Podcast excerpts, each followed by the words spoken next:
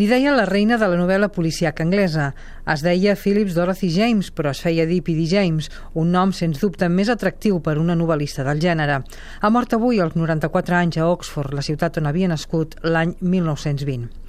P.D. James ens ha deixat dos personatges que ja formen part de la galeria de protagonistes policials, el poeta i detectiu de Scotland Yard Adam Dalglish i la investigadora privada Cordelia Gray. Algunes de les seves obres han estat traduïdes al català com Sang innocent, A gust amb la mort, Intrigues i desitjos o La Torre Negra. L'any 2008 va guanyar la tercera edició del Premi Carballo de novel·la negra. Sembla oportú parlar de novel·la policiaca en un dia com avui en què la corrupció i les mesures per combatre-la ocupen l'atenció prioritària.